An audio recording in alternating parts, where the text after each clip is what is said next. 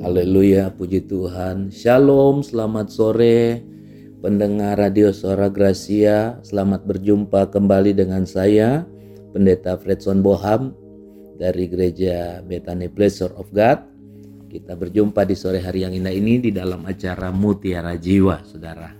Senang Tuhan boleh memberikan kita kembali kesempatan untuk berbagi, untuk kita sharing, untuk kita sama-sama saling menguatkan, saling mendoakan, sehingga kita senantiasa kuat di dalam kita mengiring Tuhan.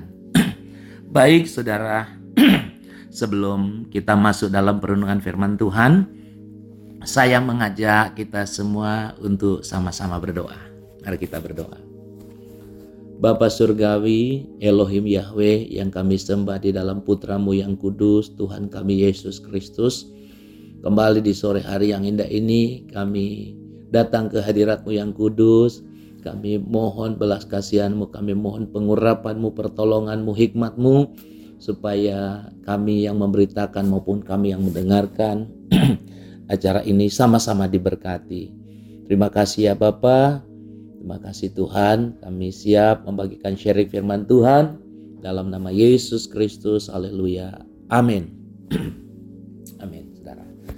Baik, Saudara, sore hari ini saya tidak membawakan lagu atau pujian karena sesuatu dan lain hal, tapi saya rasa tidak akan mengurangi semangat kita untuk kita mencari Tuhan ya, Saudara, melalui acara Mutiara Jiwa sore hari ini. Nah, saudara yang dikasih Tuhan, sore ini saya mau menseringkan firman Tuhan yang sangat sederhana dan saya percaya kita semua pasti akan diberkati melalui firman Tuhan ini.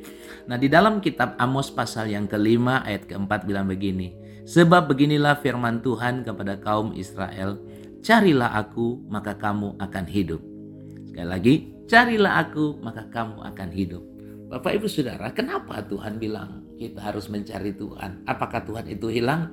Bukan saudara, Tuhan itu tidak hilang. Tapi sering kali kita tidak sadar bahwa kita hilang dari hadirat Tuhan. Nah ini dia, nah untuk itu Sore hari ini seluruh pendengar radio Suara Grasi yang dikasih Tuhan, saya ingin mengajak untuk kita mencari Tuhan. Ya saudara, kenapa kita mencari Tuhan? Maksudnya supaya kita ada di hadirat Tuhan. Supaya kita boleh mengenal isi hati Tuhan. Supaya kita boleh mengenal rancangan Tuhan. Supaya kita boleh mengenal apa itu kehendak Tuhan sebenarnya dalam hidup saudara dan saya. Sebab Tuhan menciptakan saudara dan saya itu sangat luar biasa. Dia punya rencana yang dahsyat Buat saudara dan saya tiap pribadi Tuhan punya rancangan. Nah untuk itu sore hari ini saudara, saya ingin mengajak kita untuk mencari Tuhan. Kita mencari kehendaknya. Karena tidak mudah Bapak Ibu Saudara. Mungkin banyak orang rajin ke gereja. Banyak orang juga aktif dalam pelayanan kegiatan-kegiatan rohani. Tapi belum tentu dia ada di hadirat Tuhan. Karena tanpa kita sadar kadang kita ini malah hilang. Kita ini malah jauh dari Tuhan tanpa kita sadar kita melakukan sesuatu yang tidak dalam kehendak Tuhan. Nah, untuk itu dalam perenungan saya hari-hari ini, saya rasa kita perlu kembali berbalik mengintrospeksi diri, melihat kembali diri kita, apakah kita ini sedang berjalan dengan Tuhan? Apakah kita ini satu kali 24 jam ada di hadirat Tuhan? Nah, itu perlu kita kembali memeriksa kembali eh, kehidupan kita, kerohanian kita, memeriksa kembali hati kita. Apakah kita ini sedang berjalan dengan Tuhan atau kita sedang berjalan sendiri? Karena tanpa disadari Bapak Ibu Saudara, sering kali ada mungkin menit-menit atau jam-jam kita itu jauh dari Tuhan, kita itu tidak ada dalam hadirat Tuhan. Kita mungkin melakukan hal-hal yang di mana Tuhan tidak ada di situ. Maaf, contoh kita seharian main HP, Ya saudara, dan Tuhan tidak menikmati itu. Ya tentu tidak salah kalau kita main HP, lantas yang kita lihat perkara-perkara rohani, hal-hal yang membangun. Tapi kalau kita sudah melihat tontonan-tontonan yang tidak berkenan dan Tuhan tidak bisa juga menikmati itu, itu kan kita artinya jauh. Artinya kita terhilang dari hadirat Tuhan. Tuhan tidak ada di situ. Di Alkitab juga ada contoh anak yang bungsu yang hilang. Tapi dia memang jauh. Tapi anak sulung juga terhilang. Dia ada di rumah bapaknya, tapi dia terhilang. Karena dia tidak bisa sehati dengan bapaknya. Bapaknya pikirannya A, dia pikirannya B. Nah hari-hari ini Bapak Ibu dalam perenungan saya, saya merasa kok, aduh ini kita perlu kembali untuk datang kepada Tuhan. Maka renungan firman Tuhan sore hari ini saya mengajak kita semua untuk mencari Tuhan. Di dalam Yesaya 55 ayat ke-6 juga, carilah Tuhan selama ia berkenan ditemui. Nah saya ingin mengajak saudara, di gereja kami saya mulai minggu kemarin saya mengajak jemaat, ayo kita mencari Tuhan. Dan satu bulan ini mulai dari tanggal 6 November sampai tanggal 6 Desember saya mengajak semua jemaat Bethany Pleasure of God untuk kami berdoa dan puasa. Kami mau merendahkan diri, kami mau kembali mengintrospeksi diri, kami mau melihat apakah kami selama ini berjalan dengan Tuhan atau tidak. Nah, mungkin Bapak Saudara juga uh, tidak anggota gereja kami, tapi kita sesama saudara di dalam Tuhan kita satu di dalam Kristus. Mari, tidak ada salahnya saya juga ingin mengajak kita mencari Tuhan. Nah, saudaraku yang dikasih Tuhan, karena Tuhan mau dia berjalan dengan kita atau kita berjalan dengan Tuhan, kita mengikuti kehendaknya, kita mengikuti rencananya. Kalau kadang orang berkata, aduh Tuhan, kenapa saya kok mengalami masalah seperti ini? Aduh, lama-lama kita nanti malah lari dari Tuhan. Padahal kadang itu Tuhan izinkan kalau kita mengerti kehendaknya, kita mengerti rencananya, justru kita bisa bersyukur di balik semua itu. Ya, kita bisa mengucap syukur karena Alkitab katakan di dalam Roma 8:28, Allah bekerja dalam segala sesuatu untuk mendatangkan kebaikan. Allah itu bekerja di dalam setiap musim kehidupan saudara dan saya. Kita berkata, Pak, ini berat sekali ini. Saya percaya Tuhan tidak pernah memberikan pencobaan yang melebihi kekuatan kita. Tapi justru melalui ujian-ujian iman itu, kita akan naik kelas, kita akan bisa melihat dengan kacamata Tuhan, dan kita akan berkata, yes, ternyata di balik semua ini ada rencana Tuhan yang indah dan luar biasa. Sehingga kita bisa berkata, Allah itu baik. Makin naiklah iman kita, kita punya pengalaman berjalan dengan Tuhan. Dari hari ke hari kita akan melihat perbuatan ajaib Tuhan senantiasa dinyatakan dalam hidup kita. nah, Bapak Ibu Saudara yang kasih Tuhan, ada pujian saudara berkata, maaf saya tidak diiringi musik sore hari ini. Tapi ada pujian berkata begini, tapi ku mengerti sekarang kau tolong padaku. Kini ku melihat dan ku merasakan indah rencanamu. Tapi ku mengerti sekarang Kau tolong padaku Kini ku melihat dan ku merasakan indah rencanamu. Wow, ternyata rencana Tuhan itu indah.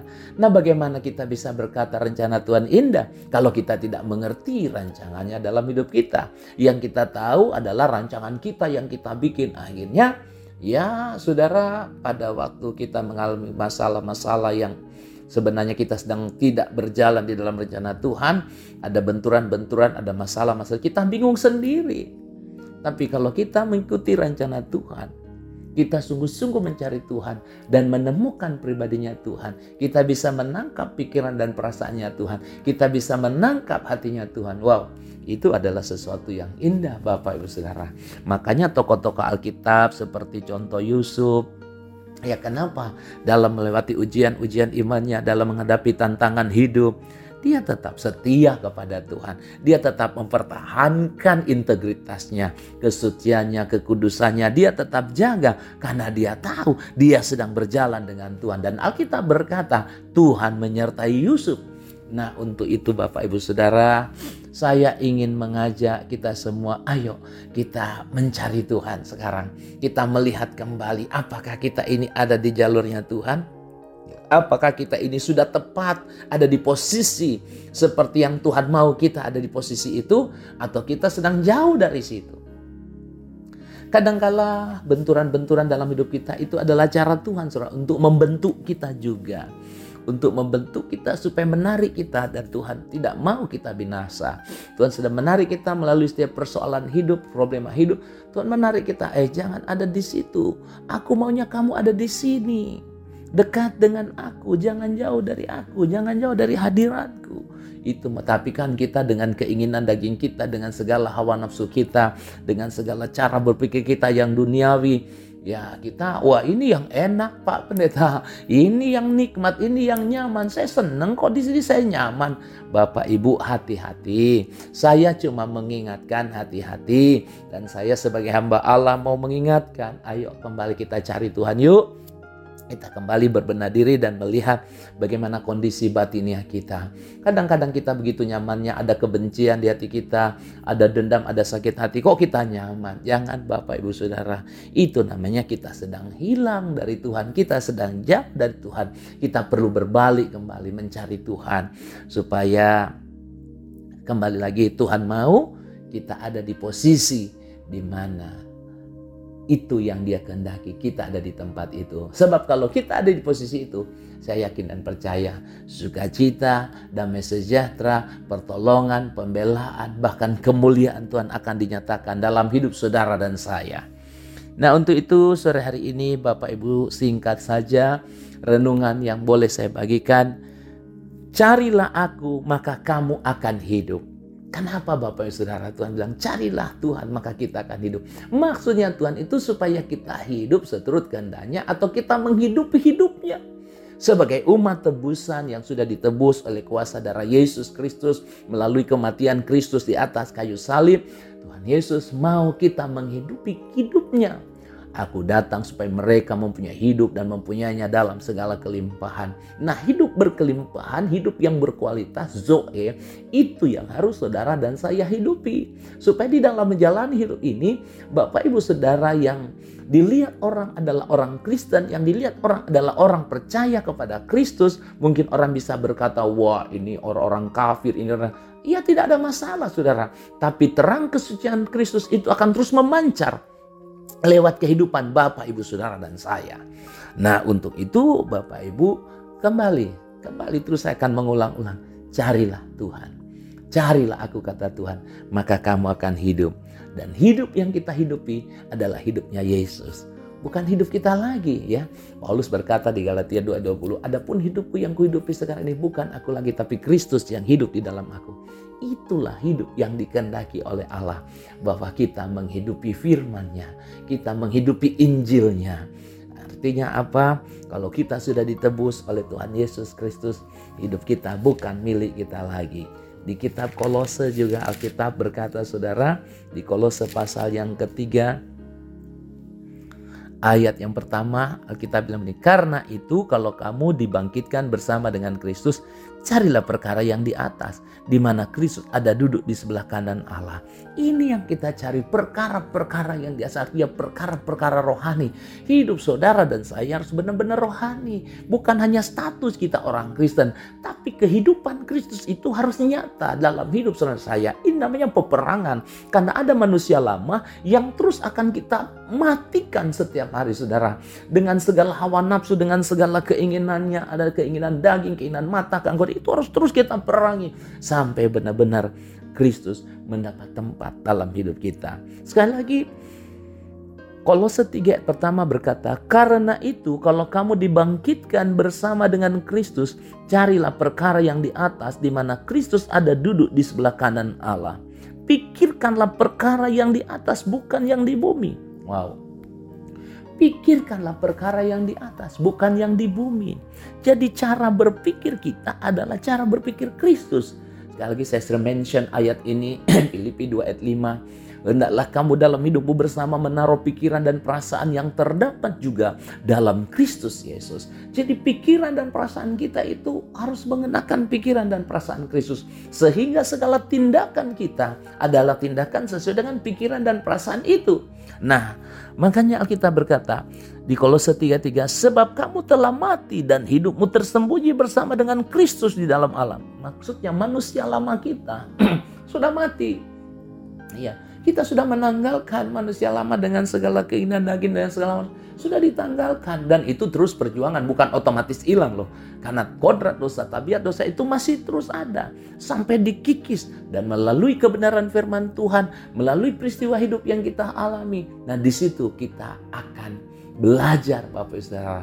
Benar-benar belajar sampai benar-benar kebenaran itu menguasai seluruh kita. Sehingga melalui tantangan hidup kita boleh berkata, ternyata firman ini punya kuasa. Firman ini dahsyat luar biasa. Nah, ayat 4 begini.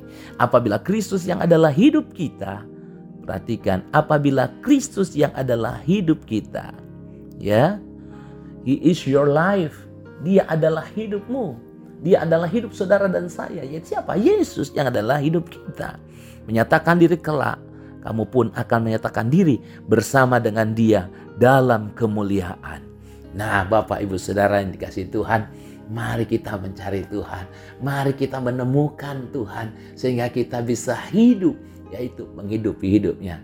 Ini yang dikatakan hidup yang penuh damai sejahtera, hidup yang penuh dengan segala sesuatu yang baik ya yang Yesus sediakan buat saudara saya. Apa itu? Yaitu hidupnya dia. Bukan kekayaan atau materi dunia ini, tetapi hidupnya dia. Nah, Bapak Ibu Saudara kan eh, saya kemarin sedang merenungkan firman Tuhan di dalam Injil Matius, saudaraku. Saya juga ya ini saya sedang menggali firman ini, saya sedang belajar, saya sedang merenungkan ini sungguh-sungguh di dalam Injil Matius pasal 19 di sana ada kisah seorang muda yang kaya. Ya dia kan tanya sama Tuhan Yesus. Dia bilang begini, Guru, perbuatan baik apakah yang harus kuperbuat untuk memperoleh hidup yang kekal? Jawab Yesus, apakah sebabnya engkau bertanya kepadaku tentang apa yang baik? Hanya satu yang baik, tapi jika engkau ingin masuk ke dalam hidup, turutilah segala perintah Allah. Kata orang itu kepadanya, perintah yang mana? Kata Yesus, jangan membunuh, jangan berzina, jangan mencuri, jangan mengucapkan sasi dusta. Hormatilah ayahmu dan ibumu, dan kasihlah sesama manusia seperti dirimu sendiri. Kata orang muda itu kepadanya, semuanya itu telah kuturuti, apalagi yang masih kurang. Wow, hebat ini orang. Dan Tuhan tidak membantah loh saudara. Dia bilang semuanya itu telah kuturuti, apalagi yang masih kurang. Wah, dan Tuhan tidak ngomong, oh enggak, kau belum ini, kau belum mengampuni. Enggak, Tuhan lihat hebat ini orang. Dia melakukan semua perintah Taurat. Nah, kemudian ayat 21 Tuhan Yesus bilang begini.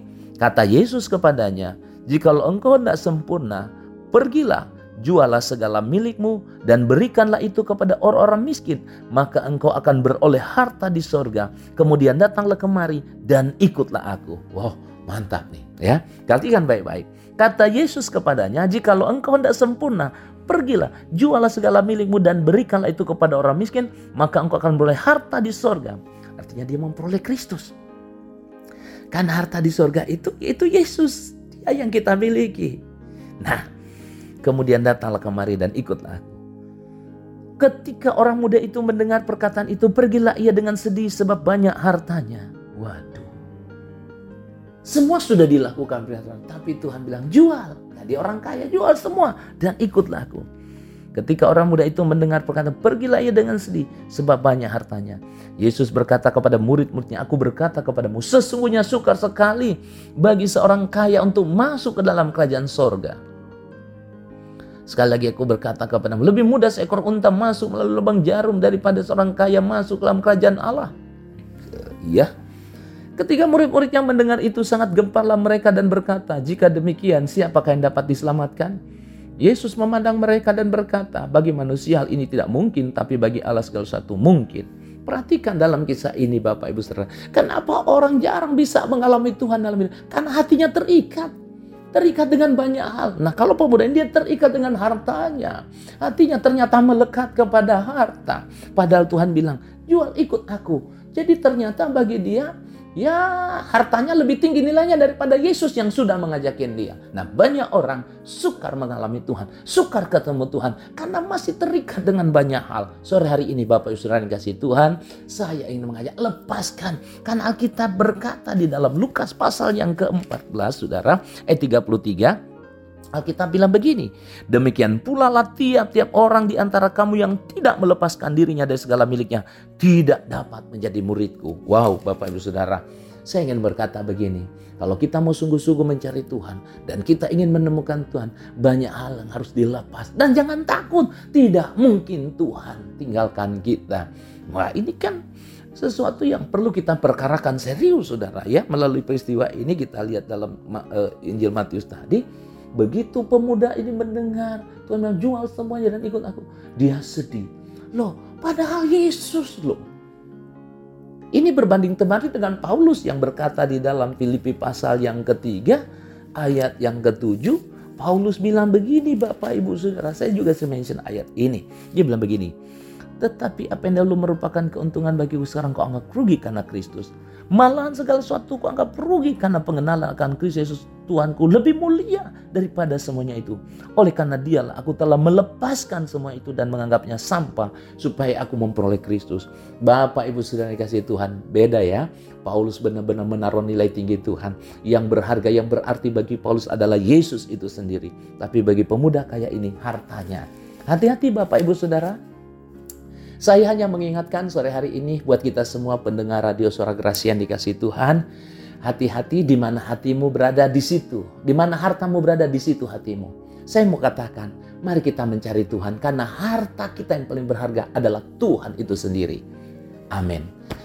Sekali lagi, harta yang paling berharga adalah Allah itu sendiri. Harta yang paling berharga adalah Yesus Kristus itu sendiri. Untuk itu, mari kita temukan harta yang berharga ini. Saya mengajak semuanya untuk kita aktif hari-hari ini mencari Tuhan. Saya percaya orang yang sungguh-sungguh mencari Tuhan akan menemukan Tuhan. Amin, saudara. Oke, sampai di sini renungan yang boleh saya sampaikan. Biarlah renungan yang singkat ini kiranya menjadi berkat buat kita, menguatkan dan meneguhkan iman kita, dan kita kembali berperkara. Oh iya ya, ternyata selama ini kok saya ini ada di gereja, saya ini mengambil bagian dalam pelayanan, kok hati saya jauh dari Tuhan. Jangan sampai Alkitab bilang begini saudara di Matius pasal 15 ayat 89 Tuhan Yesus yang ngomong, bangsa ini memuliakan aku dengan bibirnya, padahal hatinya jauh daripadaku. Percuma mereka beribadah kepadaku, sedangkan ajaran yang mereka lakukan adalah perintah manusia, ajaran manusia. Saudara, mari sore hari ini saya mengajak kita semua mengintrospeksi diri, melihat kembali diri kita, kita berbalik dan kita mau mencari Tuhan. Karena Tuhanlah harta yang paling berharga. Menemukan Tuhan berarti menemukan segalanya. Matius 6:33 berkata, "Carilah dahulu kerajaan Allah, maka semua itu akan ditambahkan kepadamu." Carilah dahulu kerajaan Allah dan kebenarannya, maka semuanya akan ditambahkan kepadamu. Yang lain itu tambahan. Kalau kita menemukan Tuhan, berarti kita menemukan segalanya. Amin. Mari kita berdoa. Bapa Surgawi, Tuhan kami Yesus Kristus, kami sungguh bersyukur Tuhan, buat sore hari ini Engkau kembali mengajar kami, untuk kami kembali berbalik dan mencari Engkau. Ampuni kami kalau selama ini fokus kami bukan Tuhan. Bahkan mungkin tanpa kami sadar kami hanya memanfaatkan Tuhan. Kami pengen mengejar sesuatu yang kami inginkan dan Engkau yang kami peralat. Padahal bukan sesuatu yang kami inginkan. Apa yang kau inginkan itu yang kami lakukan. Karena kami sadar kami ini umat ciptaanmu. Kami diadakan untuk engkau. Kami diciptakan untuk engkau. Untuk kesenanganmu, untuk kesukaanmu. Biarlah hidup kami ini menjadi hidup yang menyenangkan dan menyukakan hati Tuhan. Bapak hamba berdoa kalau mungkin hari-hari ini ada pendengar di rumah yang sedang sakit, hamba berdoa di dalam nama Yesus Kuasa kesembuhan mengalir buat yang sakit. Disembuhkan oleh bilur-bilur jadi sembuh. Ada yang mungkin sedang lemah imannya. Tuhan kuatkan dan teguhkan kembali imannya. Bangkitkan kembali rohnya. Aktifkan kembali rohnya. Ada yang terikat dilepaskan, dibebaskan. Dalam nama Yesus. Bahkan yang berdosa Tuhan diampuni. Dan kami kembali mau berbalik. Datang mencari engkau. Terima kasih Bapak. Diberkati radio suara Gracia ini kru-kru yang bertugas di sini Tuhan berkati Tuhan tolong mereka Hamba juga berdoa Tuhan buat bangsa dan negara kami, negara kesatuan Republik Indonesia. Tuhan berkati bangsa ini. Tahun depan bangsa ini akan menghadapi pesta demokrasi di mana akan menyelenggarakan pemilihan umum. Kami berdoa Tuhan akan memilih pemimpin yang terbaik buat bangsa ini. Pemimpin yang dapat mengayomi rakyat yang banyak ini. 200 juta lebih Tuhan masyarakat yang ada di bangsa ini. Tuhan tolong kami. Engkaulah Allah harapan dan andalan kami. Engkaulah Elohim ya. Engkaulah Yesus Kristus Tuhan dan Juru Selamat kami. Berkati kota kami Cirebon Tuhan. berkati seluruh penduduk kota Cirebon, berkati gereja-gereja yang ada di kota ini, semua gereja denominasi apa pun bentuknya. Ikat kami dengan tali kasih-Mu, biar kami sama-sama bergandengan tangan untuk melayani Engkau dan memuliakan namamu. Terima kasih Tuhan, secara khusus kami mengangkat tangan kami, berdoa buat hambamu, Ibu Pendeta Nani Susanti, Tuhan juga terus memberikan kesehatan dan kekuatan buat hambamu ini di mana pun hambamu melayani. Tuhan senantiasa menyertai dengan tanda-tanda ajaib, tanda-tanda heran. Banyak jiwa diselamatkan. Nama Tuhan dipuji, ditinggikan, dan dimuliakan. Terima kasih ya Bapa. Terpujilah Engkau Tuhan. Dimuliakanlah namamu. Dalam nama Yesus Kristus kami sudah berdoa dan bersyukur. Haleluya. Amin. Amin. Puji Tuhan. Pendengar radio suara Gracia yang dikasih Tuhan. Ini yang boleh saya sharingkan Bapak Ibu Saudara. Mohon maaf kalau ada hal-hal yang kurang. Maafkan kami.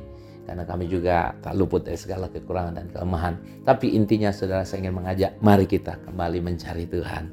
Sebelum saya pamit atau undur dari saudara, izinkan saya menyampaikan beberapa pengumuman dari gereja kami, Gereja Betani Pleasure of God atau Gereja Betani POG yang beralamat di Jalan Lembah Wungkuk 132 atau tepatnya di depan Apotek Tunggal Lembah Wungkuk. Kalau saudara dari Pulau Saren mau ke Kanoman belok kiri, Nah, di dekat situ ada rumah tua, itulah tempat kami menyelenggarakan ibadah minggu yang diadakan tiap jam 8 pagi dan jam 10.15. Jadi kebaktian minggu kami dua kali, jam 8 dan jam 10.15. Hari Sabtu jam 5 subuh kami ada doa fajar dan jam 5 sore ada ibadah yud. Kemudian hari Kamis tiap jam 7 malam kami ada namanya ibadah worship night ibadah malam pujian penyembahan dan doa kesembuhan bagi yang sakit. Hari Selasa dan Kamis jam 6 pagi ada doa Pondok Daud dan kami ada juga menyelenggarakan uh, family altar. Itu saja mungkin yang boleh saya sampaikan. Terima kasih atas perhatiannya. Tetap semangat maju terus dalam Tuhan. Tuhan Yesus memberkati kita semua.